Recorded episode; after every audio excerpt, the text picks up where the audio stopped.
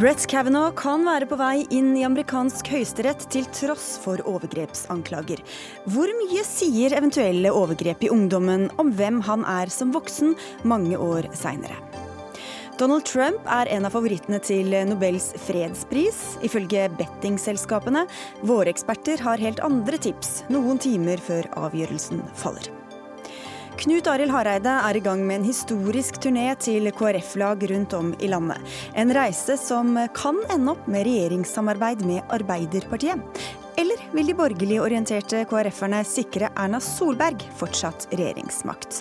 Og SV og Arbeiderpartiet går sammen om 37 punkter om klima og miljø. Men når ble de enige på det feltet?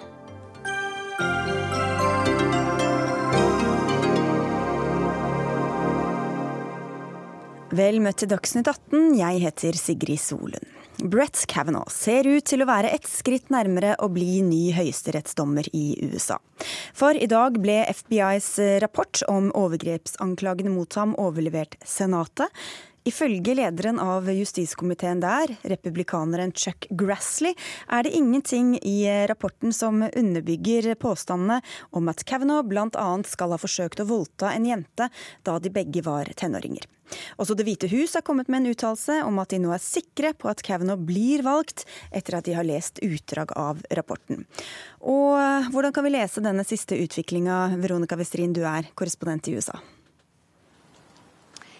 Nei, Det skjer jo ting eh, hele tiden i denne såpeoperaen, og sikre kan de nok ikke være. For vi vet det er tre republikanske senatorer som muligens, som ikke har uttalt seg ennå, som kan være potensielle til å hoppe over på demokratisk side. I tillegg så vet vi at det er to demokrater som ikke har sagt hvordan de vil stemme. Men, eh, men i dag så har også nettopp eh, demokratene holdt en pressekonferanse. Diane Feinstein, senator for demokratene, hun sa at hun, hun, er uenig i at, at, dette støtter opp om Brett Kavanaugh. Hun mener etterforskninga er ufullstendig. Demokratene ber om at denne rapporten offentliggjøres.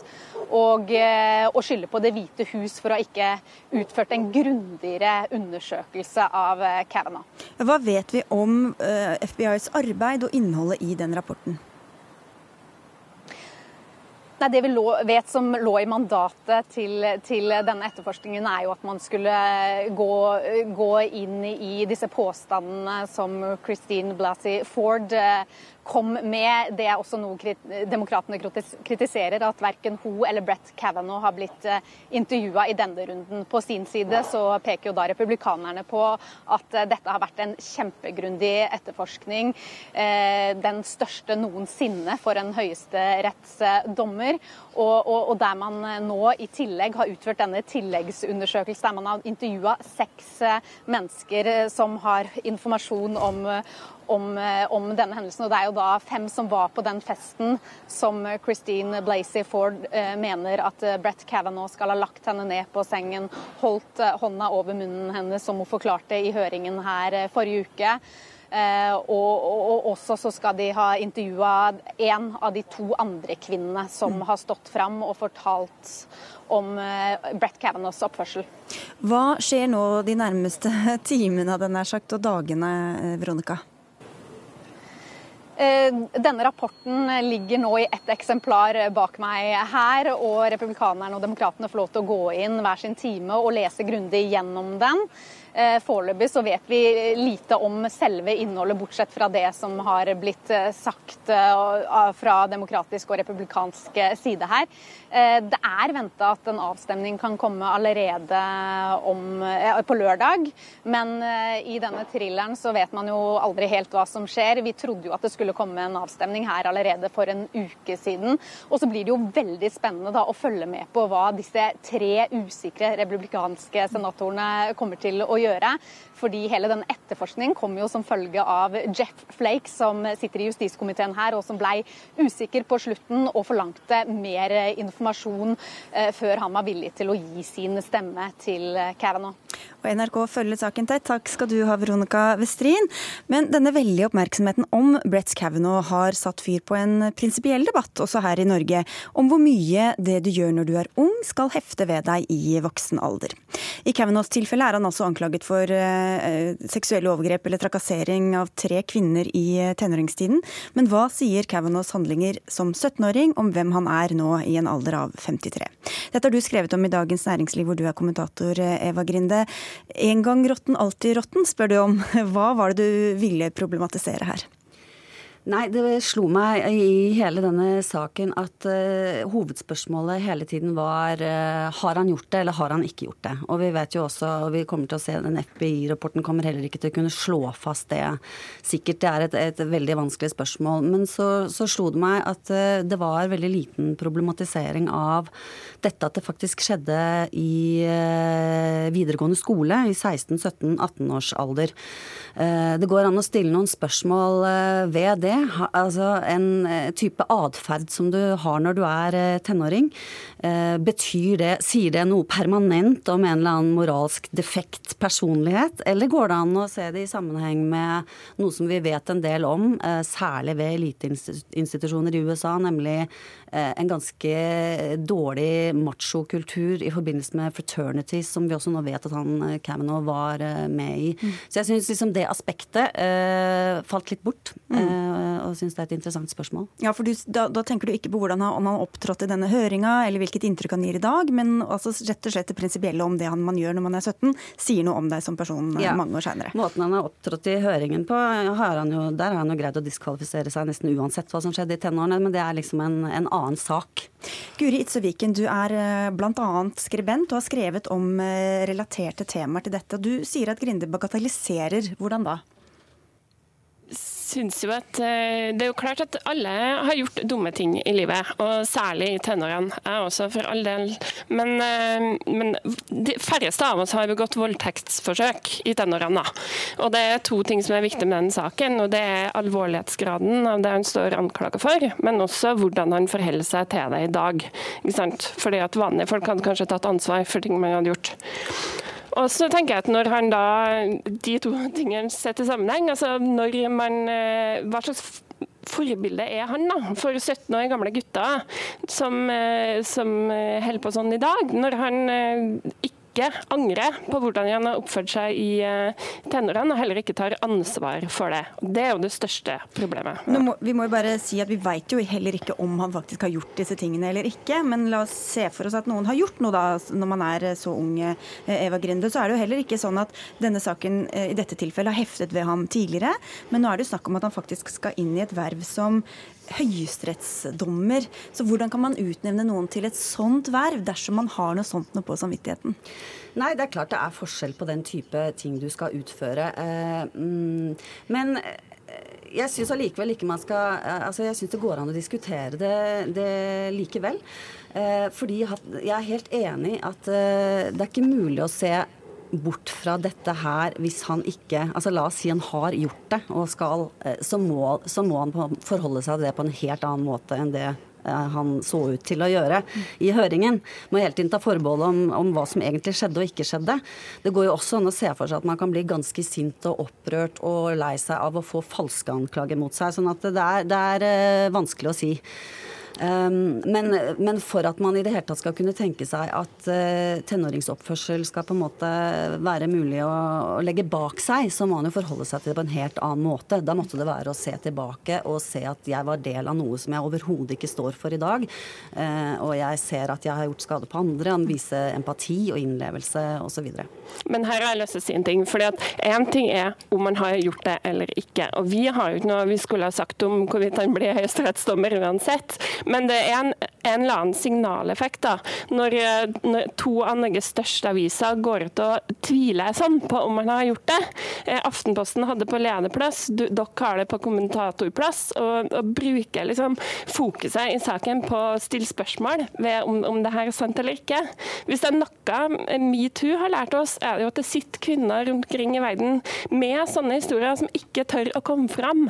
Og så eh, stilles det tvil om de få sakene som kommer fram. Da. Og Det syns jeg er veldig synd.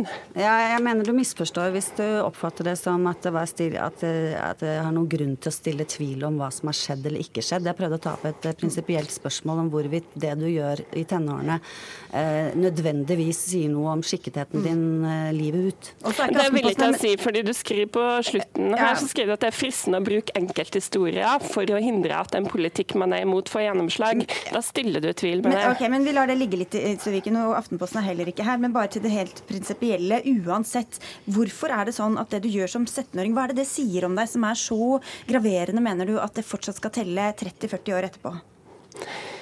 Det er jo eh, Det kan godt hende at det hadde vært annerledes hvis han faktisk hadde blitt stilt til ansvar for det. Men her er det snakk om at han mest sannsynlig sitter og lyver under ed. At han eh, ikke tar ansvar for handlinger han har gjort. At han bagatelliserer handlinger han har gjort. Og det er det som jeg mener er problemet. Og så er det ingen av oss som veit hva som har skjedd i denne saken. Eh, og vi skal ikke sette noen dom eller diagnose for Kavanaugh for den saks skyld, eller noen andre. Men vi kan prøve å se litt overordnet på dette. Cato Grønnerød, du er psykolog og førsteamanuensis ved Psykologisk institutt ved Universitetet i Oslo og har bl.a. forsket på personlighetsvurderinger. Hvor fastlåst og stabil er personligheten din når du er 17 år, for å ta det først?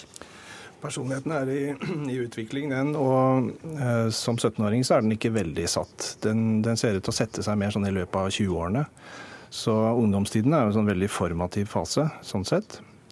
Um, og Det betyr at ting endrer seg, og da kan det også endre seg når man blir eldre. Mm. Eh, samtidig så er det jo kanskje når man er i en sånn formativ fase, så, så lærer man jo også ting. Eh, hvis vi nå igjen antar at det har skjedd noe her, så kan man kanskje tenke seg at, eh, at Kavanaugh på en måte har lært at det er greit at man kommer unna med den type atferd. Og det har vært med å forme personligheten hans. Ikke... Hvordan, hvordan, kan han gjøre det?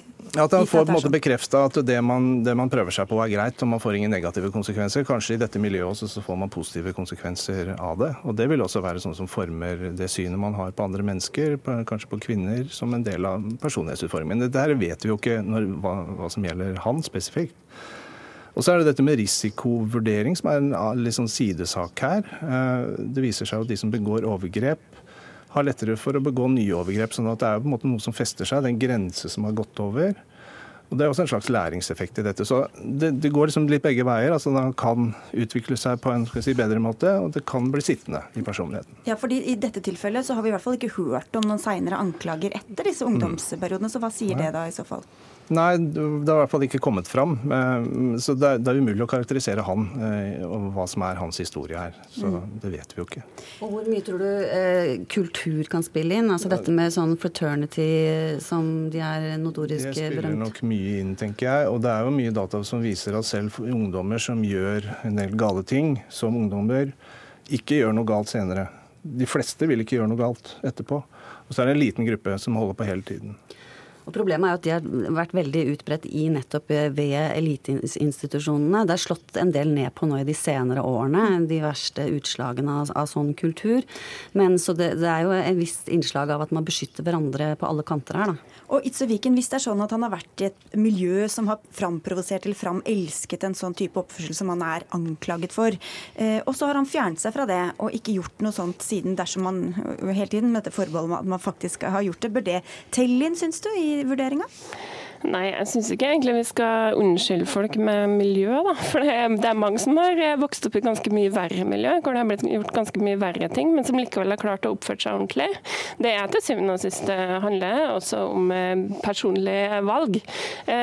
Og fjerne seg fra miljøet. Jeg vet ikke helt. Donald Trump sto nettopp og har hengt ut Blasey Ford ganske masse på, og bagatelliserte opplevelser som kvinner har gjort. sånn at jeg vet ikke helt, jeg. Men Grønnere, eh, bare inn på annen, et annet element som har vært veldig sentralt her, nemlig dette at hvor mye de har drukket, og om de har drukket mye osv.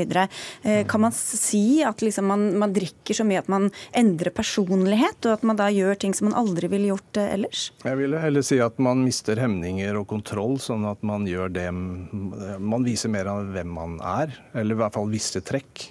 For det er jo det som er effekten av alkohol, at man mister hemninger og kontroll. Man blir mer man, av den man egentlig Ja, på en måte. Så man blir jo i hvert fall ikke annerledes. Det kan jo framstå som veldig annerledes fordi det kommer fram trekk som man ellers greier å holde nede og kontrollere, men som vises i rus. Og, og, mm, og, igjen for å bare uh, bruke denne saken som eksempel, så er det jo andre som har stått fram med vitnesbyrd om at han uh, var en ordentlig og skikkelig type uh, som ung, og at det er et bevis på at han ikke kunne ha gjort disse tingene som han er anklaget for. Er det mulig å ha så to ulike ansikter, for å si det på den måten? Ja, det er absolutt mulig. Man kan ha sider ved seg selv som man skjuler, og som kommer fram i visse situasjoner, som man kanskje lever ut i visse situasjoner. Så det er ikke noe ukjent. Det er vel også ganske bevist at han må ha løye om et eller annet. sånn at, eh, ja. Det er jo også viktig å ta med seg, at han har løye under ed. Men man... ja, det er enig i. og Det, det har kommet fram veldig mange vitner som, som, sier at han var del av et, et veldig ja, utagerende ungdomsmiljø og drakk mye og var kjent for å være en som måtte holde seg i veggen for å stå, holde seg på beina. Så, sånn at der har han jo lag, gjort et veldig dårlig figur og snakket veldig dårlig for seg uansett. Men kan man da grønnere glemme ting? Hvis man var så full at man ikke husker det seinere? At liksom 30 år seinere så har man inn, altså Han tror han snakker sant, hvis han, selv om han kanskje har gjort noe, eh, så, så tro, har han ikke noe minne av det eller tro på det selv? Det kan nok hende, men det er vel en sånn miljø som vil jeg tenke at man får en sånn følelse av at det man gjør er greit. Og det, det, føles ikke som galt, og da husker man ikke som galt heller. Så når man blir konfrontert med det aspektet, så kan man reagere. Så jeg tenker det er heller det. Eh, selvfølgelig hvis man drikker nok, så kan man få blackout, det er ikke det. Men det er mer det at det passer på en måte ikke inn med det bildet man har av seg selv som en sånn godt fungerende type. Mm -hmm. Eh, det blir mye spekulasjon her eh, om, eh, om, en person vi strengt tatt vet lite om annet enn det vi har sett på TV. Men det vi også har sett, Grønnere, er jo disse, altså hvordan han taklet dette presset under, under høringa. I, og, og, hva kan det si om liksom, personligheten hans? Jeg har ikke lyst til å karakterisere og gå inn på å si noe om personligheten. Jeg har ikke sett det selv heller, så jeg har bare sett det referert. Så det, det skal jeg være litt forsiktig med. Men hvis jeg kan kommentere det, så er det jo over 1000 jusprofessorer i USA fra ganske store universitet som har undertegnet et opprop som sier at Kavanaugh mangler den nøytraliteten og det juridiske temperamentet, vel, eller karakteren, da, som behøves i en, i en sånn posisjon. Og det tenker jeg jo er De vet hvem som snakker om. Da har de forholdt seg til noe litt annet enn det vi eh, også diskuterte nå. Men vi kan si tusen takk for at dere kom, eh, og følge med videre på denne saken. Altså, takk skal dere ha, Guri Itzøe Viken med fra Arendal, til deg, Cato Grønnere, som altså er førsteamanuensis ved Universitetet i Oslo, og Dagens Næringslivs Eva Grinde.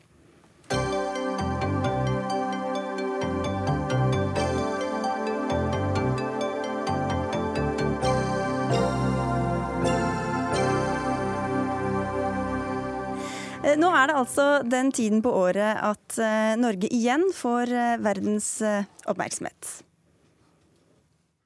The Norwegian Nobel Committee has decided to award the Nobel Peace Prize for 2017 to the international campaign to abolish nuclear weapons, ICAN. Ja, her hørte vi altså lederen av den norske nobelkomité, Berit Reiss-Andersen, annonsere fjorårets eh, Nobel fredsprisvinner, den internasjonale kampanjen for forbud mot atomvåpen, ICAN. Og nå er det bare timer igjen til årets tildeling. Det er 330 organisasjoner og enkeltmennesker nominert, og omtrent like mange spekulasjoner. Hos dem som lever av veddemål, er USAs president Donald Trump den største favoritten, sammen med statslederne i Nord- og Sør-Korea. Nobelkommentator her i NRK, Knut Magnus Berge. Hvor stor er sjansen for at det blir Donald Trump som eh, kommer hit i desember? Ja, Jeg vil bli veldig overraska hvis det uh, skjer. Det betyr ikke at det ikke kommer en pris knytta til den tematikken som er oppe, nemlig det som har skjedd i, på Koreahalvøya. det er jo grunn til å minne om at i fjor, så eh, gikk jo prisen til kampen mot atomvåpen bl.a. fordi at situasjonen der var så tilspissa.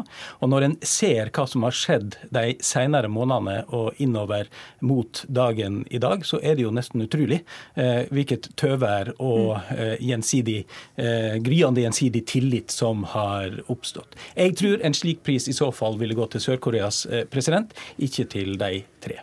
Henrik Hurdal, du er direktør ved PRIO, Institutt for fredsforskning. og Dere har en topp fem-liste over hvem dere mener burde få, få denne prisen. Hvem er det som står der? På toppen av den listen så står eh, Verdens matvareprogram, som er en FN-organisasjon som da sørger for at eh, man får matvarehjelp til eh, befolkninger som trenger det, særlig i krig og nød over hele verden. Og hvorfor er det en verdig prisvinner, mener du? Det er flere årsaker til det. For det første så ser vi at sult nå øker som en humanitær konsekvens av særlig konflikt. Du har land som Syria og Jemen, de verste konfliktene som vi har pågående nå, hvor det er åtte millioner mennesker som er helt avhengig av matvarebistand fra verdens Eh, matvareprogram for å kunne overleve fra måned til måned. Eh, det er også slik at eh, dette er, Jeg vil anse en slik pris for å være en, en bredere flyktningpris, en humanitær pris rettet mot å bistå det økende antallet flyktninger i verden. Verdens matvareprogram er jo også inne og hjelper rohingya-flyktninger fra Myanmar og flyktninger fra Sør-Sudan. Mm. Det tredje er at jeg tror kanskje også at det ville vært et viktig tidspunkt nå å fokusere på viktigheten av globale løsninger de eh, store eh, internasjonale organisasjonene og støtte opp rundt eh, disse. Det er jo veldig skummelt å spå, særlig når det er så kort tid til vi vet fasiten. Knut Magnus Berge, men hvem er din favoritt? Nei, altså Jeg syns Nobelkomiteen er på sitt beste når de treffer liksom de store sakene i tida. han har jo her nevnt Verdens matvareprogram. Vi lever jo i ei tid f.eks. der internasjonale institusjoner, internasjonalt samarbeid, er under et visst press. og gi en sånn type pris kunne også være å adressere den typen problemstillinger fra eh, Nobelkomiteen. Et annet tema er jo det som eh, du i og for seg diskuterte før vi kom inn her. Eh, Metoo, som nå har pågått i et år. Jeg tror den kan ha aktualisert det som er min personlige favoritt, eh, nemlig eh, temaet seksualisert vold i krig. det er jo slik at komiteen i flere år har vurdert en sånn type pris. Kanskje kan metoo-kampanjen bidra til å aktualisere denne tematikken på en slik måte at det når helt opp i år. Og hvem er i så fall prismottaker? Ja, Det kan være flere. Men vi har den eh, kongolesiske fødselslegen Dennis Mukwege, som vi vet har vært i favorittsjiktet i flere år. Vi har jesidi-kvinna Nadia Morad, uh, som satt eh, som sexslave hos IS, og som har eh, fortalt eh, hjerteskjærende om det i mange store internasjonale fora. Så det er ikke så vanskelig å finne verdige mm. kandidater på det feltet. Hvert år så får jo komité, eller i hvert fall nesten hvert år, får de jo kritikk for ikke å holde seg til, til Nobels testament, Urdal. Hvordan er en sånn pris mot seksualisert vold, og eventuelt med metoo inn i denne potten innenfor statuttene, sånn som du ser det?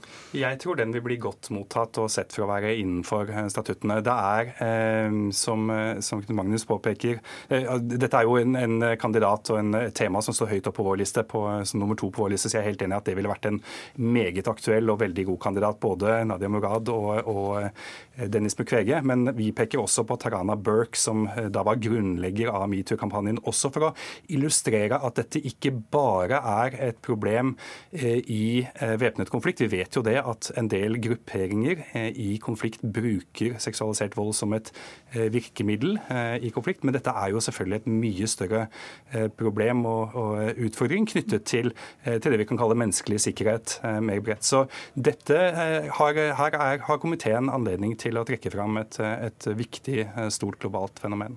Og så vet vi at de også er opptatt av ytringsfrihet, og vi vet at mange steder så er den under press, at journalister blir drept. Det kan det også være tid for en mediepris, tror dere? Ja, dette er jo òg et av de store temaene i vår tid. Vi kan jo bare vise til f.eks. fake news-debatten, som handler om det samme sakskomplekset.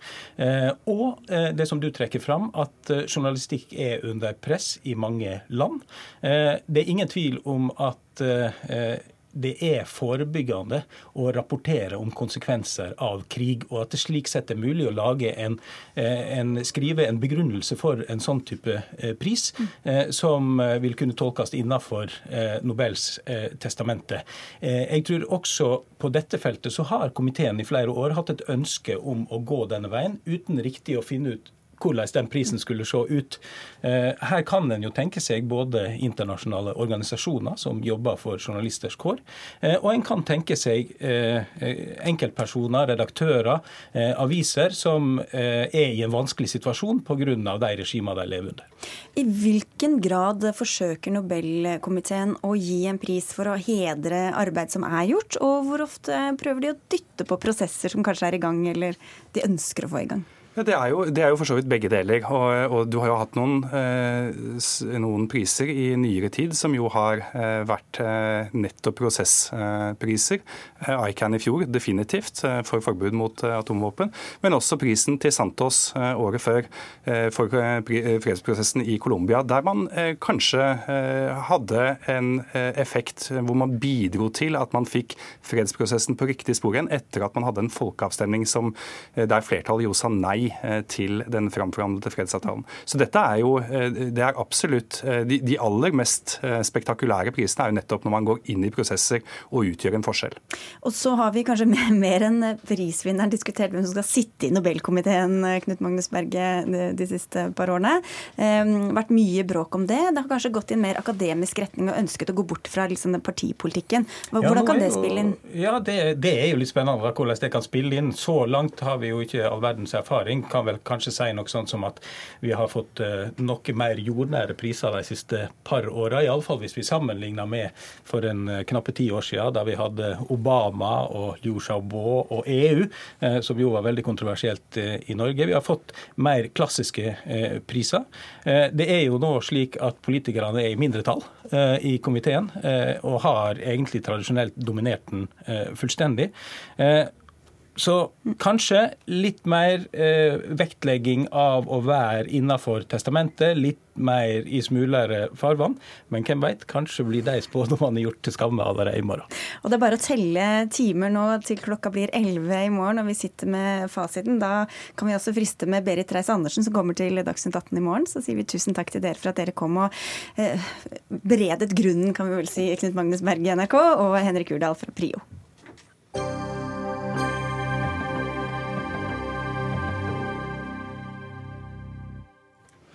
For en time siden og vel så det begynte det første møtet i KrF-leder Knut Arild Hareides rundreise til fylkes- og lokallag i partiet rundt om.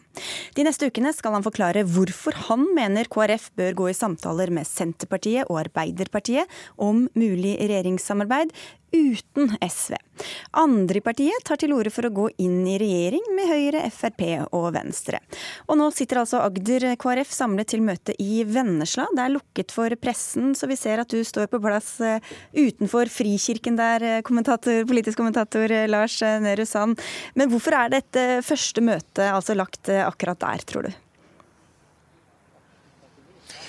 Det er sikkert eh, praktiske grunner til det er det første, men det som er viktig for Hareide, er kanskje at dette er den blåeste fylkeslag fylkeslaget Kristelig Folkeparti har. og Sånn sett så vil han nok møte mest motstander her, og kanskje følgelig viktig for han å møte de som er mest eh, motstandere først. Og også eh, få høre deres argumenter før han reiser videre på rundreise rundt omkring i eh, det ganske land. Han går rett inn i løvens hule, altså? Det kan man eh, trygt si her i uh, Vennesla, selv om man akkurat her har samarbeida lokalt med også Arbeiderpartiet. Og, og stortingsrepresentant Toril Bransdal sier hun er rød i hjertet. Så er det uh, hevet over enhver tvil at Agder-delegasjonen som hoveddel, og betydelig hoveddel, kommer til å stemme mot Hareides forslag og råd når det er landsmøte i partiet 2.11. Hvordan var oppmøtet og spenningsnivået før møtet begynte? ellers.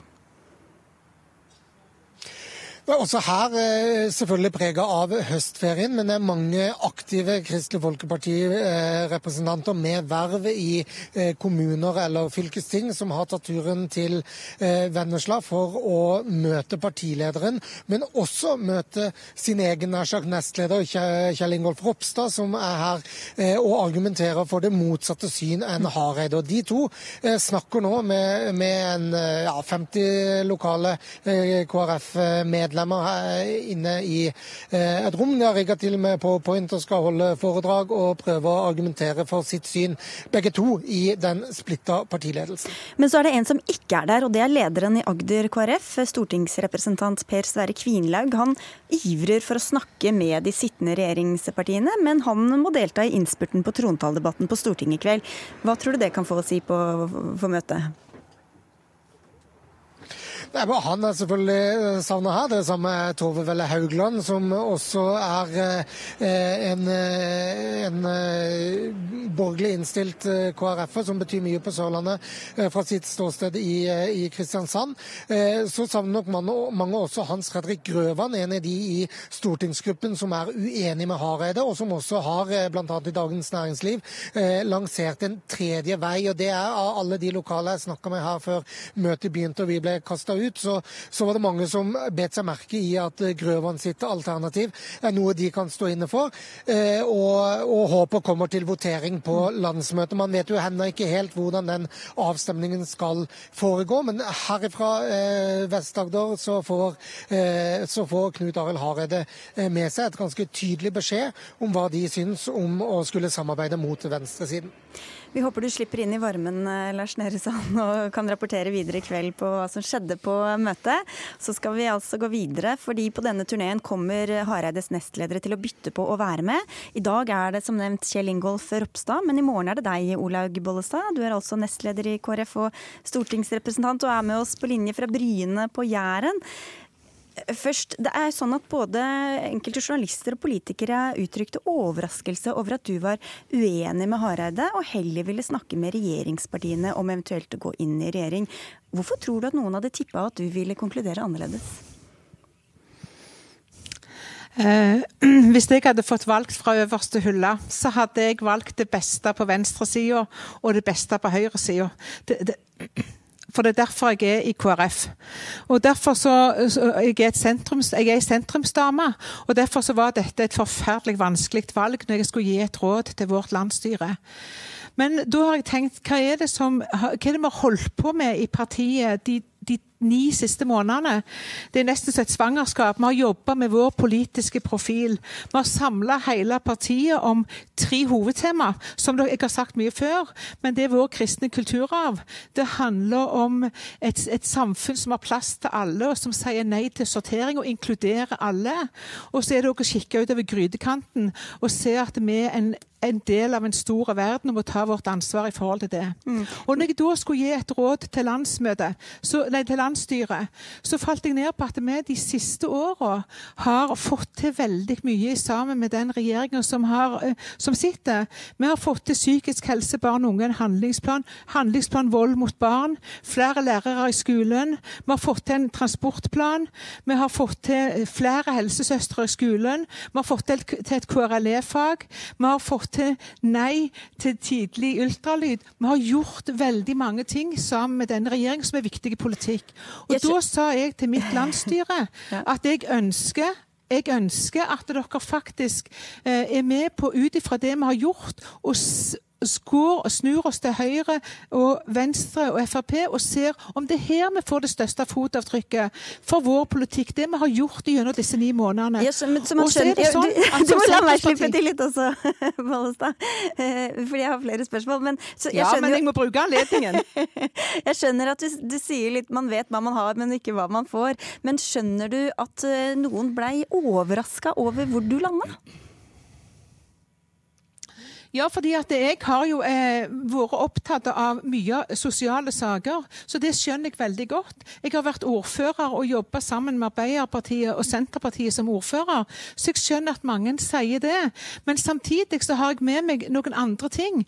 Når vi nå skal gå inn, Hvis vi skal gå inn i det regjeringsalternativet med Arbeiderpartiet og Senterpartiet, så får vi òg et SV på, på på, på, som vi må forhandle med i Stortinget. Og SV og KrF har ganske ulike syn på KrF er opptatt av et samfunn som bygges nedenfra.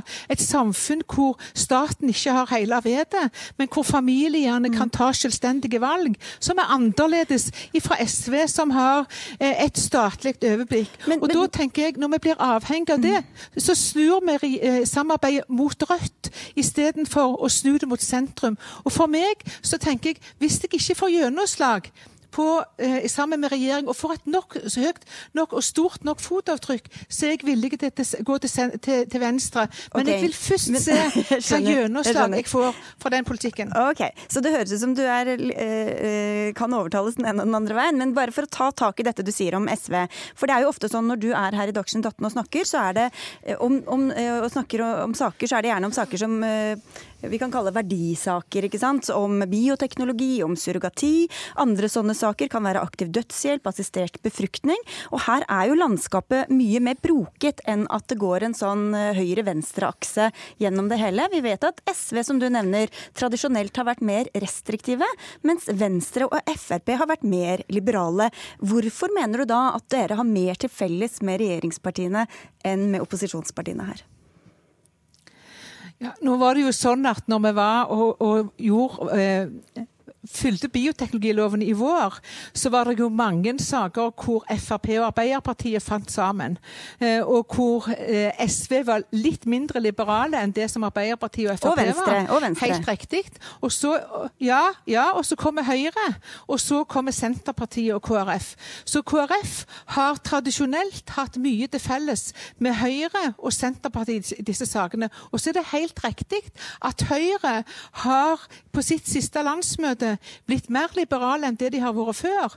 Men KrF og, Venstre, og Høyre har hatt tradisjoner for å kunne jobbe sammen om disse spørsmålene. Og det hadde jeg forventa om vi skulle gått inn i noen sonderinger med, med regjeringa, så vil dette være en viktig sak for KrF. Så, så da stoler du bare på at Frp og Venstre ikke ville fått eh, gjennomslag, mens du kan ikke stole på det samme på den andre siden, er det det du sier? Nei, jeg sier at jeg ønsker å eh, gå inn i sonderinger med dagens regjering for å se hva vi får gjennomslag for. Og vi selger ikke vår politikk. Det er vår politikk som er viktig for meg. Og hvis vi ikke får et djupt nok fotavtrykk i den regjeringa, så skal jeg være med og se andre veien. Men jeg vil først prøve med regjeringa, fordi ja. jeg vil ikke være avhengig av et SV i Stortinget. Men hvor mye handler det da om eh, lojalitet, og om det løftet dere ga om at dere skulle støtte Erna Solberg som statsminister, og at du liksom ikke vil gi deg før du har prøvd alle muligheter der? Nei, fordi vi har pekt på Erna Solberg som statsminister. Det har vi gjort. Og da tenker jeg at da må vi prøve å se hva er det de ønsker, eller hva er det de er villige til å gi, ut ifra vår pakke som vi har jobba med i alle disse månedene, og som vi har fått til òg i de fem åra som har gått. Og da er det viktig for meg å se er det vilje til at vi faktisk skal kunne få noen mm. gjennomslag og noen fotavtrykk i den regjeringa. Okay, hvis vi klarer, Olaug Bollestad, litt korte svar på tampen her. For det er jo en sjanse, eller fare, alt ettersom, at Hareide går av hvis partiet ikke blir med på hans linje. VG skriver i dag at 139 KrF-politikere mener han ikke kan bli sittende hvis partiet velger Solberg. Er det noe du kan være med på at, at skjer? Vi har en fantastisk raus partileder. En partileder som har gitt rom i ledelsen for å være uenige. Og det er ikke snakk om noen lederdebatt i KrF. Det å ha et lederskap som er uenige, det er basert ja, på tillit. Tror du ikke at det kan være aktuelt at han trekker seg? Ja, tror du ikke at, det er aktuelt at han trekker seg dersom han nok har gitt ingen, Knut, Arild, Knut, Knut Arild har sagt at han står med KrF som sentrumsparti, åkka som. Og så får vi ta den debatten når den kommer, men det er, har ingenting med denne saken å gjøre. Kan du bli sittende som nestleder uansett? Jeg har sagt at for meg så er det sentrumspolitikken som er villig, og så er det opp til landsmøtet å bestemme om de ønsker at jeg skal være nestleder fortsatt. Mm. Har de bruk for meg, så skal jeg stille, men det er opp til landsmøtet og ikke meg. Nei, så... For det er ingen av oss som eier taburettene i KrF. Nei, men du, det du, du, sier er altså at om partiet velger en annen løsning enn din yndlingsløsning, så trekker ikke du deg for det? Nei, fordi det, nå har vi gitt ballen og gitt rådet til landsmøtet. Så er det landsmøtet som skal avgjøre dette. Og vi har vist rom i ledelsen for at det er lov å være uenige. Og så bøyer vi oss for det som landsmøtet bestemmer. Skulle blått bare mangle. takk skal du ha. Da har vi en måned å leve i spenning. Tusen takk skal du ha, Ola Bollestad, for at du var med i Dagsnytt 18.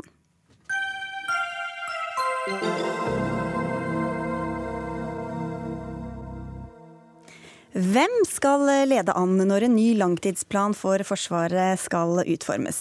Senterpartiet mener at forsvarssjef Håkon Brun-Hansen havner for mye på sidelinja i planen, som regjeringa altså tar sikte på å legge fram for Stortinget våren 2020. Men i dagens Aftenposten tilbakeviser forsvarssjefen at han ikke har stor nok innflytelse. Og Liv Signe Navarsete, du representerer Senterpartiet og sitter i forsvars- og utenrikskomiteen, eller motsatt er det vel egentlig? og da, du sier likevel at at forsvarssjefen er vingeklippet. Hvordan begrunner du det? Eh, det er lagt opp til en ny prosess i forhold til det som har vært tidligere. Eh, tidligere så har forsvarssjefen utarbeidet eh, et dokument som har da vært offentlig, og som har vært det, det faglige, altså forsvarssjefen sitt faglige råd til, til departementet, som så selvfølgelig utarbeider den endelige langtidsplanen.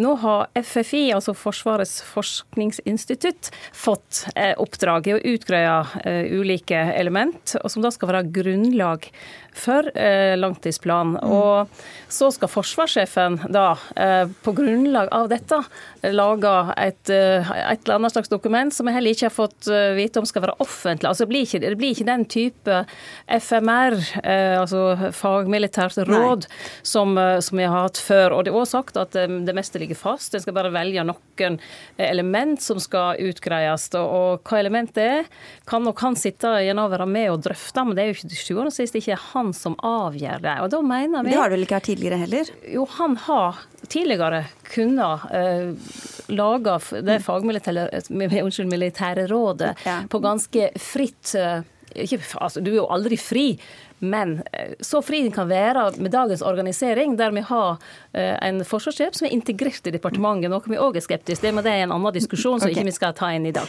Da holder vi oss til den vi har. Forsvarssjefen ville naturlig nok ikke gå inn i noen politisk diskusjon, men Hårek Elvenes, du sitter altså i den samme komiteen fra Høyre.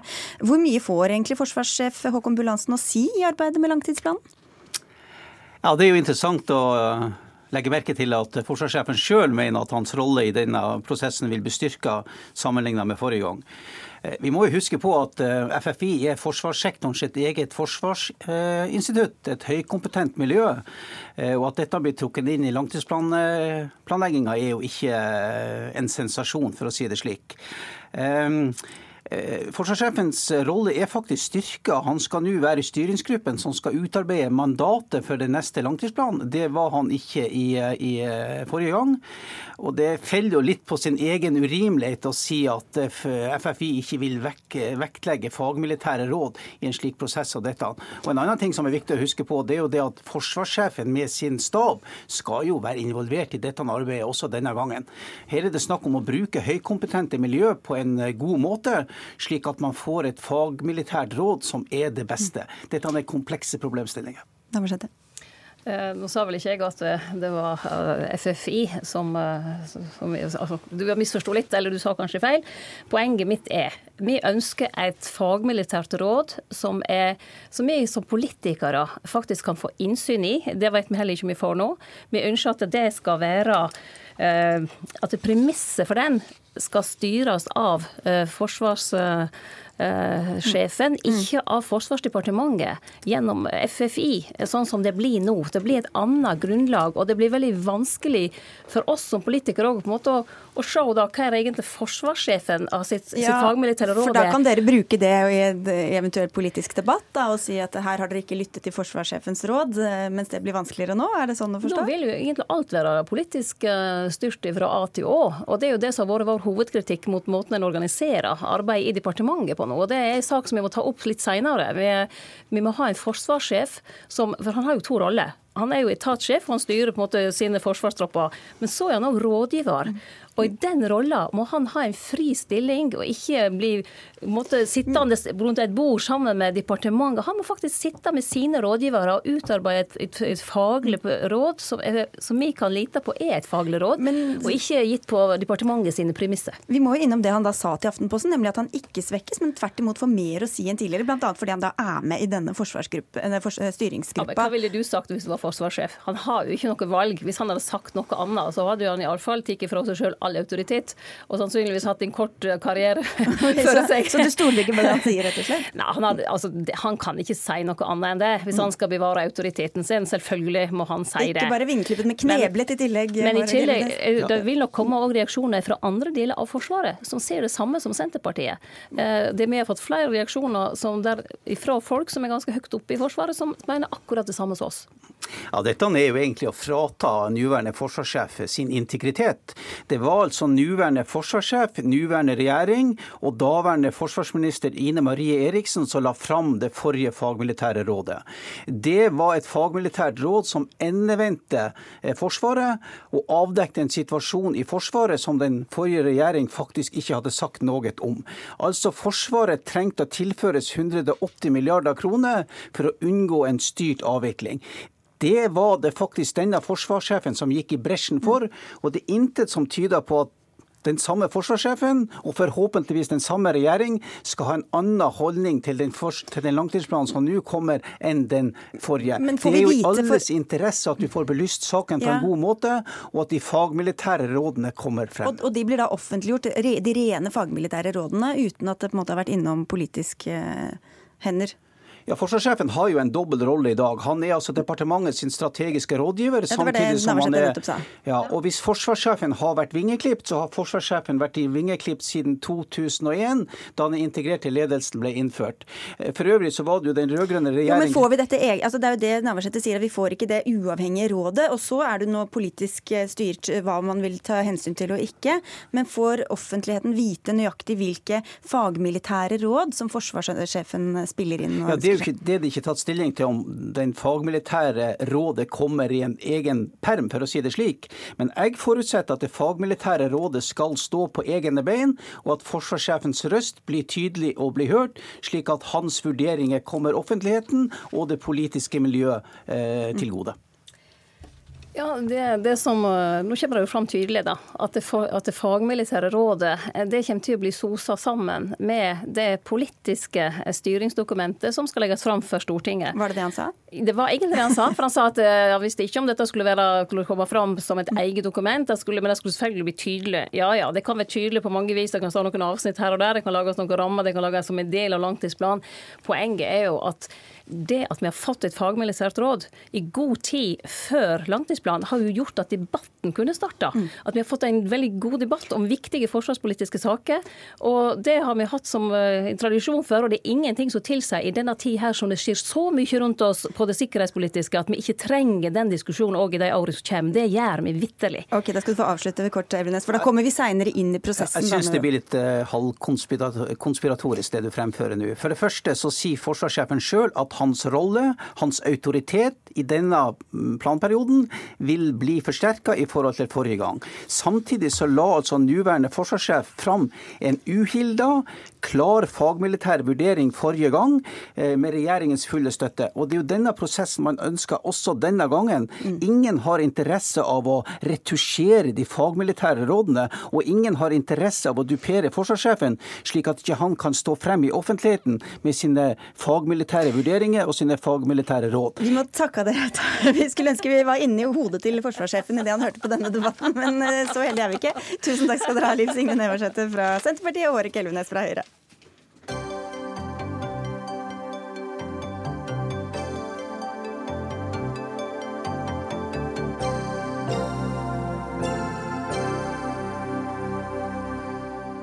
For vi skal til en ny liste med 37 punkter som forener SV og Arbeiderpartiet på et politikkfelt der det tidvis har vært nokså stor avstand mellom de to partiene. De lister opp ulike tiltak fordi de mener regjeringa ikke gjør nok på feltet. Og Lars Halsebrekken, du sitter på Stortinget for eh, SV. Du har ikke tid til å ramse opp alle 37. Hva er de absolutt viktigste tiltakene dere kommer med? Nei, noen av de viktigste er å få bort eh, fossil energi i industrien som brukes til varmeformål. Det er å oljefyr og. Oljefyr i industrien. Nå får vi jo fasa ut oljefyr i private boliger. Det ble Stortinget enige om i 2012, så det skjer nå. Nå vil vi gjøre dette også i industrien. Og så er det å få fasa ut fossil energibruk i oppdrettsnæringa. Disse to tingene vil kutte utslippene kraftig, og så er det en rekke andre ting som ikke er rekk her, som du sier. Man kan gå inn og lese på nettet. Men eh, det litt pikante her, når vi snakker så mye om konstellasjoner på Stortinget, er jo at at tidligere har dere slitt med å få med dere Arbeiderpartiet på en del ting som dere mente var nødvendige tiltak. Hva er det som har endra seg, sånn som du ser det? Nei, Arbeiderpartiet har skjønt at vi har rett, og de har sett at etter den sommeren vi har hatt i år, med tørke og varmerekorder, så haster det med å få ned utslippene. Eh, og det er vi glad for. Og Så er det fortsatt en del ting vi er uenige om, som i oljepolitikken osv., men vi får ta det etter hvert. Nå skal vi prøve å få flertall for denne lista. Kunne dere lagt fram denne felles lista for tre år siden, Espen Barth Eide fra Arbeiderpartiet? Det vet jeg ikke, men i hvert fall er vi veldig glad for å legge den fram nå. Og den er jo nettopp, som Haltbrekken sier, inspirert av at vi innser at eh, vi ligger kraftig på etterskudd. Verden er på etterskudd, og Norge er på etterskudd i forhold til eh, svært viktige klimamål. Eh, og samtidig er det nå teknologi som gjør det mulig å, å akselerere nedbyggingen av utslipp. Arbeiderpartiet er et uh, ansvarlig styringsparti.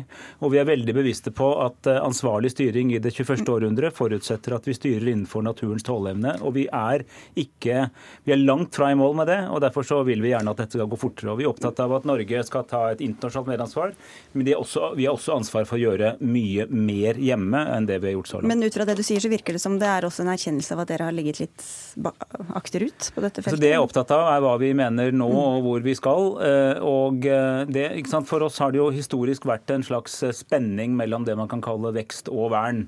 Hvor mye kan man verne i forhold til klima, sammenlignet med å skape verdiskapning og arbeid. Det vi jo i stadig, stadig større grad ser, er at det er mulig å forene disse målene. Det er, det er faktisk sånn at moderne klimavennlig teknologi kan være nettopp det som skaper fremtidens arbeidsplasser og fremtidens verdiskapning. Og da prøver vi da å forene fire viktige ting. Verdiskapning, arbeid, rettferdighet og klimaansvar. Ola Elvestuen, du er klima- og miljøminister. Her får du drahjelp fra Stortinget. Er det ja takk til alle 37 punktene, eller? Nå var jeg ikke så veldig sånn imponert over disse 37 punktene, for mange av de er jo allerede vedtatt. Eller vi har de også i Jeløya-plattformen, det er vel ni av de. Det er en fem-seks som allerede vi, vi, jobber med. Og det er noen av de også som handler om en, det er tre stykker som handler om en detaljstyring av Enova. Det er 18 kan, igjen, da, kan, som ikke ja, det kan, har... det kan man jo gjøre. Eh, men det blir jo ikke nødvendigvis mer kutt, fordi det vil jo, vil jo være en prioritering overfor andre. Det som er bra, er jo at man er interessert i å ha en, en mer tiltak på klima. Eh, og det er jo også fra, fra regjeringas side. Jeløya-plattformen er den mest offensive som vi har. Vi skal legge fram et eh, budsjett eh, nå neste uke. Så at vi trenger å gjøre mer mm. av alt. Men er det noe på denne lista som du er uenig i, som du ikke ønsker å, å gjennomføre? Ja, det, er, det, er, flere av de som handler om prosess. Det er mye som kan være som ikke egentlig har så mange klimatiltak i seg. Når det gjelder det som er nevnt her med å, å ta vekk eh, utslipp fra industrien, så er det jo mange programmer som går på det allerede nå i, i, via Enova. Og oppdrett, så vidt jeg kunne se forslaget, så var det forslaget gjaldt nye oppdrettsanlegg fra 2020. Og vi jobber jo innenfor det som er vårt grønne, grønne skipsfart. Så jobber vi jo med breiere regler for å se på om vi kan ha større utslipp innenfor uh, oppdrett. Så jeg mener jo vi, det er mange av de tingene vi, uh, vi driver med som har en større utslippskutt enn det som også ligger i disse forslagene. Så ingen, ikke noe overbud her, altså, Haltbrekken? Jo, det her er det svært mye som dessverre ikke er satt i gang, og som skulle ha vært uh, satt i gang. Uh, og får man gjort dette, så vil vi nærme oss det målet som Stortinget satt i 2012, nemlig at Norge skulle kutte sine utslipp innen 2020. Det er et mål som eh, regjeringa i dag styrer bevisst mot å bryte. De har jo mer sagt dessverre. at det er ikke noen sjanse for å oppnå det? så vidt jeg Nei, kan huske. Nå har de jo kasta bort fem år da, på å ikke sette i verk nye tiltak. Og senest i vår så masa jo industrien og energibransjen på at vi måtte få fortgang i satsinga på å få fasa ut fossil energi i industrien. Og det foreslår vi ned. Og hvis Venstre er enig i det, så tror jeg at vi skal få flere. Men disse 2020-målene, det tror du ikke at dere når? Altså det som dere egentlig forplikter dere til? Nå er vi på 52,4 mål, vi skal ned på 48,6. Det er fryktelig vanskelig, men det er klart at vi, vi jobber for det. Ja, men Tror du det er noen sjanse for at dere skal nå det? La meg, la meg si videre, det er dilemmaer ved det. For det, ja, nå er vi oppe i Sist måned så var altså elbilsalget 47 Det er en enorm økning. Det er ingen andre land som er i nærheten av det, det, gjør det vi gjør. Samme er det med elferger. Eh, nå er det vel 70 som er på vei inn. Enormt skifte også som gjør det. Og du har også det som skjer inn samarbeidet vi har med de store byene og statene med nullvekstmålet på biltrafikk, er også unikt. snart, ja, og det som er dilemma, og det er dilemma for alle disse partiene, er for å nå det målet, så må du ha tiltak som, som, som må, må virke fort. Og da kommer du dessverre over på at det som virker fort, det eh, nasjonalt, er jo det som går på biodrivstoff. Med alle de dilemmaene som det Ja, som innebærer. om. Ja, Mm. og som, og som er dilemmaer. Men du har Fordi det ikke fører til utslipp andre steder, bare for alle som ja, ikke litt, men, det kan gjøre det. Kan Ja, gjøre det. Det er en risiko for at det Ja, kan gjøre det, okay. og har masse Men- dilemmaer og er ikke noen okay, enkel løsning. Bart Eide, dere kritiserer dem for å, for å ha gitt opp disse 2020-målene. Ja, men ja, jeg mener at vi ikke kommer i mål med 2020. Og det men kan vi gjøre det hvis det blir en Det er jo en reell mulighet for å få regjeringsskifte i løpet av høsten. Vil du Ja, si nå har vi respekt for Kristelig Folkepartis interne da, prosesser. men liksom men vi, dette er politikk vi mener uansett om vi sitter i regjering eller ikke, selvfølgelig. Så dette er jo konkrete tiltak som vi står bak. Og Ja, det så er mener du at det er en reell sjanse for at man kan oppnå 2020-målene Altså, med en annen Det spørs om det fortsatt er mulig. Det er under 15 måneder igjen til eh, 2020, men man kan altså i hvert fall gjøre ting som gjør at vi kommer nærmere. og Det må være, det må være målet. Men jeg tror istedenfor at vi diskuterer hvert enkelt av 37 forslag, hvor noen er ganske store og noen er eh, selvfølgelig litt mindre, så er det én viktig forskjell mellom på den ene siden også SV og på den andre siden regjeringen. Og det er at mange av disse målene, internasjonale målene, f.eks. 2030-målet om 40 reduksjon, det, vi vil alle ned til 40% sammenlignet med 1990, men regjeringen mener at det er nok å gjøre det såkalt sammen med EU. Det høres veldig bra ut på papiret, men i virkeligheten er det sånn at man da kan ende opp med å kjøpe noen kvoter som uansett ikke vil bli brukt til noen reelle kutt. Og vi er opptatt av at Norge går i front og tar sitt eget ansvar.